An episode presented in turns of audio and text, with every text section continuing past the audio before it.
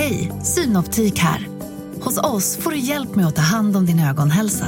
Med vår synundersökning kan vi upptäcka både synförändringar och tecken på vanliga ögonsjukdomar. Boka tid på synoptik.se. Hej och välkomna till Lisa läser. Det är jag som är Lisa och idag ska jag läsa Kejsarens nya kläder. För många år sedan levde en kejsare som var så gränslöst förtjust i nya, vackra kläder att han gav ut alla sina pengar för att bli riktigt fin. Han brydde sig inte om sina soldater, brydde sig inte om att gå på teater eller att åka ut i skogen för annat än att visa sina nya kläder. Han bytte rock en gång i timmen och på samma sätt som man säger om en kung att han är i rådet så sa man alltid om honom Kejsaren är i klädskåpet.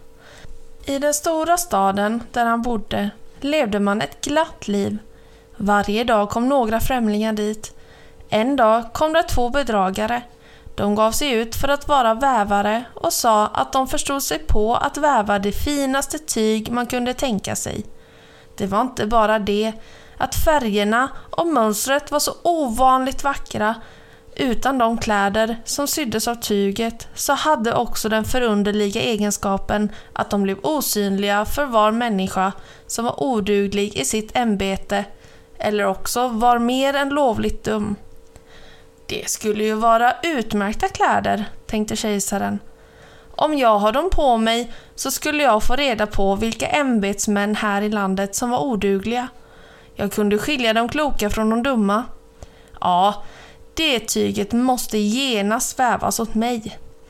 Och han gav de båda bedragarna en stor handpenning för att de skulle börja sitt arbete. De satte upp två vävstolar och låtsades att arbeta. Men eh, de hade inte det minsta i vävstolarna. Oupphörligt begärde de det finaste silke och det präktigaste guld. De, det behöll de för dem själva och arbetade vid de tomma vävstolarna till långt in på natten. Nu skulle jag nog vilja veta hur långt de har kommit med tyget, tänkte kejsaren. Men han blev ju lite underligt till mods förstås när han betänkte att den som var dum eller passade illa för sitt ämbete inte skulle kunna se det. Nu trodde han visserligen att han inte behövde vara orolig för sin egen del, men han ville ändå skicka någon först för att se hur det skulle avlöpa. Alla människor i hela stan visste vilken förunderlig kraft tyget hade och alla var ivriga att få se hur oduglig eller dum hans granne var. Jag skickar min gamla ärliga minister till vävarna, tänkte kejsaren. Han kan bäst se hur tyget tar sig ut, för han har förstånd och ingen sköter sin tjänst bättre än han. Nu gick den präktige gamle ministern in i salen där de båda bedragarna satt och arbetade vid de tomma vävstolarna. Gud bevara oss, tänkte den gamle ministern och spärrade upp ögonen. Jag kan ju inte se något, men det sa han inte. Båda bedragarna bad honom att vara så god och stiga närmre och frågade om det inte var ett vackert mönster och härliga färger. De pekade på den tomma vävstolen och den stackars gamle ministern fortsatte att spärra upp ögonen men han kunde inte se något, för där fanns ingenting. Herregud, tänkte han. Skulle jag vara dum? Det hade jag aldrig trott.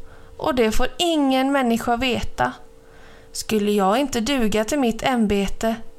Nej, det går inte an att jag talar om att jag inte kan se tyget. Ni säger ingenting om det, sa den ena som vävde. Åh, det är, det är vackert. Det mest eh, förtjusande man kan tänka sig, sa den gamle ministern och såg genom sina glasögon. Det här mönstret och, och de här färgerna, ja, jag, jag ska säga till kejsaren att du det behagar mig ofantligt. Det glädjer oss att höra, sa bägge vävarna och nu nämnde de färgerna vid namn och det sällsamma mönstret. Den gamle ministern hörde noga på så att han skulle kunna säga detsamma till kejsaren när han kom hem till kejsaren. Och det gjorde han. Nu fordrade bedragarna att få mera pengar, mer silke och guld. De skulle använda det till vävnaden. De stoppade allt i sina egna fickor. I väven kom inte tråd, men de fortsatte som förut att väva vid den tomma vävstolen.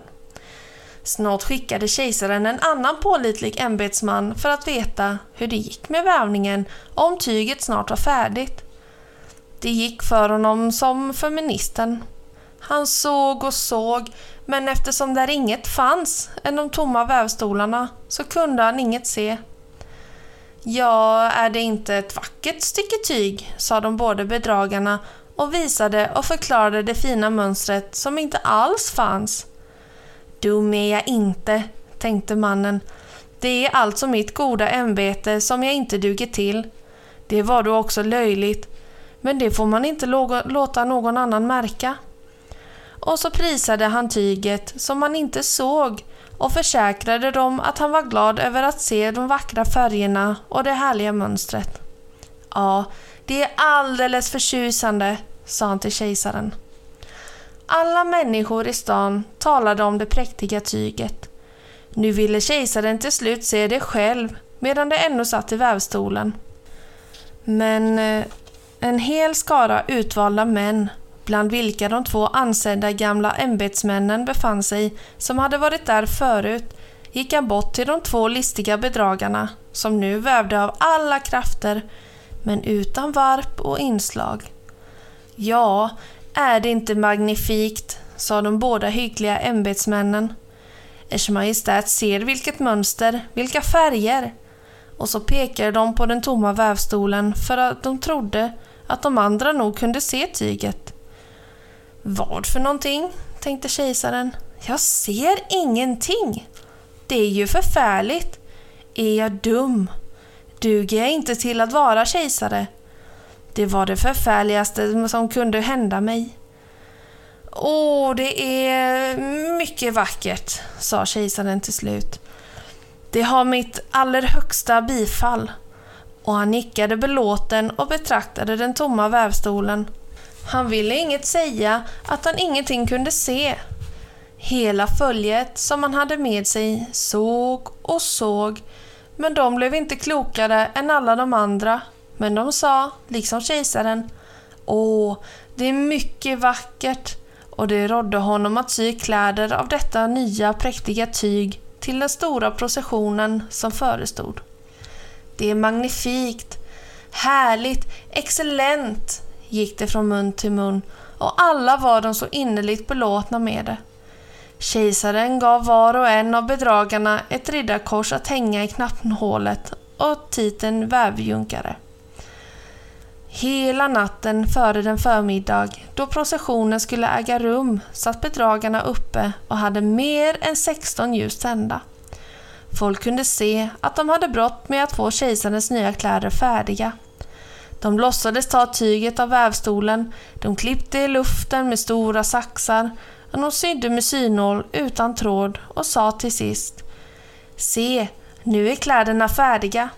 Kejsaren kom själv dit med sina förnämsta hovmän och båda bedragarna lyfte ena armen i luften som om de höll upp något och sa Se, här är benkläderna, här är rocken och här är kappan och så vidare. Det är så lätt som spindelväv. Man skulle kunna tro att man ingenting hade på kroppen. Men det är just det som är förtjänsten med de här kläderna. Ja, sa alla hovmännen, men de kunde ingenting se, för det fanns ju ingenting där.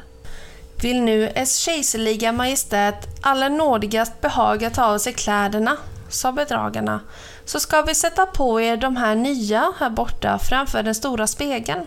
Kejsaren tog av sig alla sina kläder och bedragarna bar sig åt som om de gav honom varje plagg av de nya som skulle vara sydda och de tog honom om livet och de liksom band fast något och det var släpet. Och kejsaren vände och vred sig framför spegeln. Gud, vad det är klädsamt. Vad det sitter bra, sa de allesammans. Vilket mönster, vilka färger. Det är en kostbar dräkt det här. Utanför står de med tronhimlen som ska bäras över Ers Majestät i processionen, sa överceremonimästaren. Ja, jag är ju färdig, sa kejsaren. Sitter det inte bra? Och så vände han sig ännu en gång framför spegeln för att det skulle se bra ut, som om han riktigt betraktade ståten. Kammarherrarna som skulle bära släpet famlade med händerna utåt golvet, liksom om de tog upp släpet och då gick och höll det i luften. De tordes inte låta någon märka att de ingenting kunde se. Och så gick kejsaren i processionen under den vackra tronhimlen och alla människor på gatan och i fönstren sa Gud vad kejsarens nya kläder är makalösa! Vilket fint släp han har på rocken! Vad det sitter helt underbart! Ingen ville låta märka att han ingenting såg, för då hade han ju inte dukt i sitt ämbete eller varit mycket dum. Inga av kejsarens kläder har gjort sån lycka. Men han har ju ingenting på sig, sa ett litet barn. Herregud, hör den oskyldiges röst, sa fadern och den ena viskade till den andra vad barnet sa. Han har ingenting på sig, är det ett litet barn som säger. Han har ingenting på sig. Han har ingenting på sig, ropade till sist folket.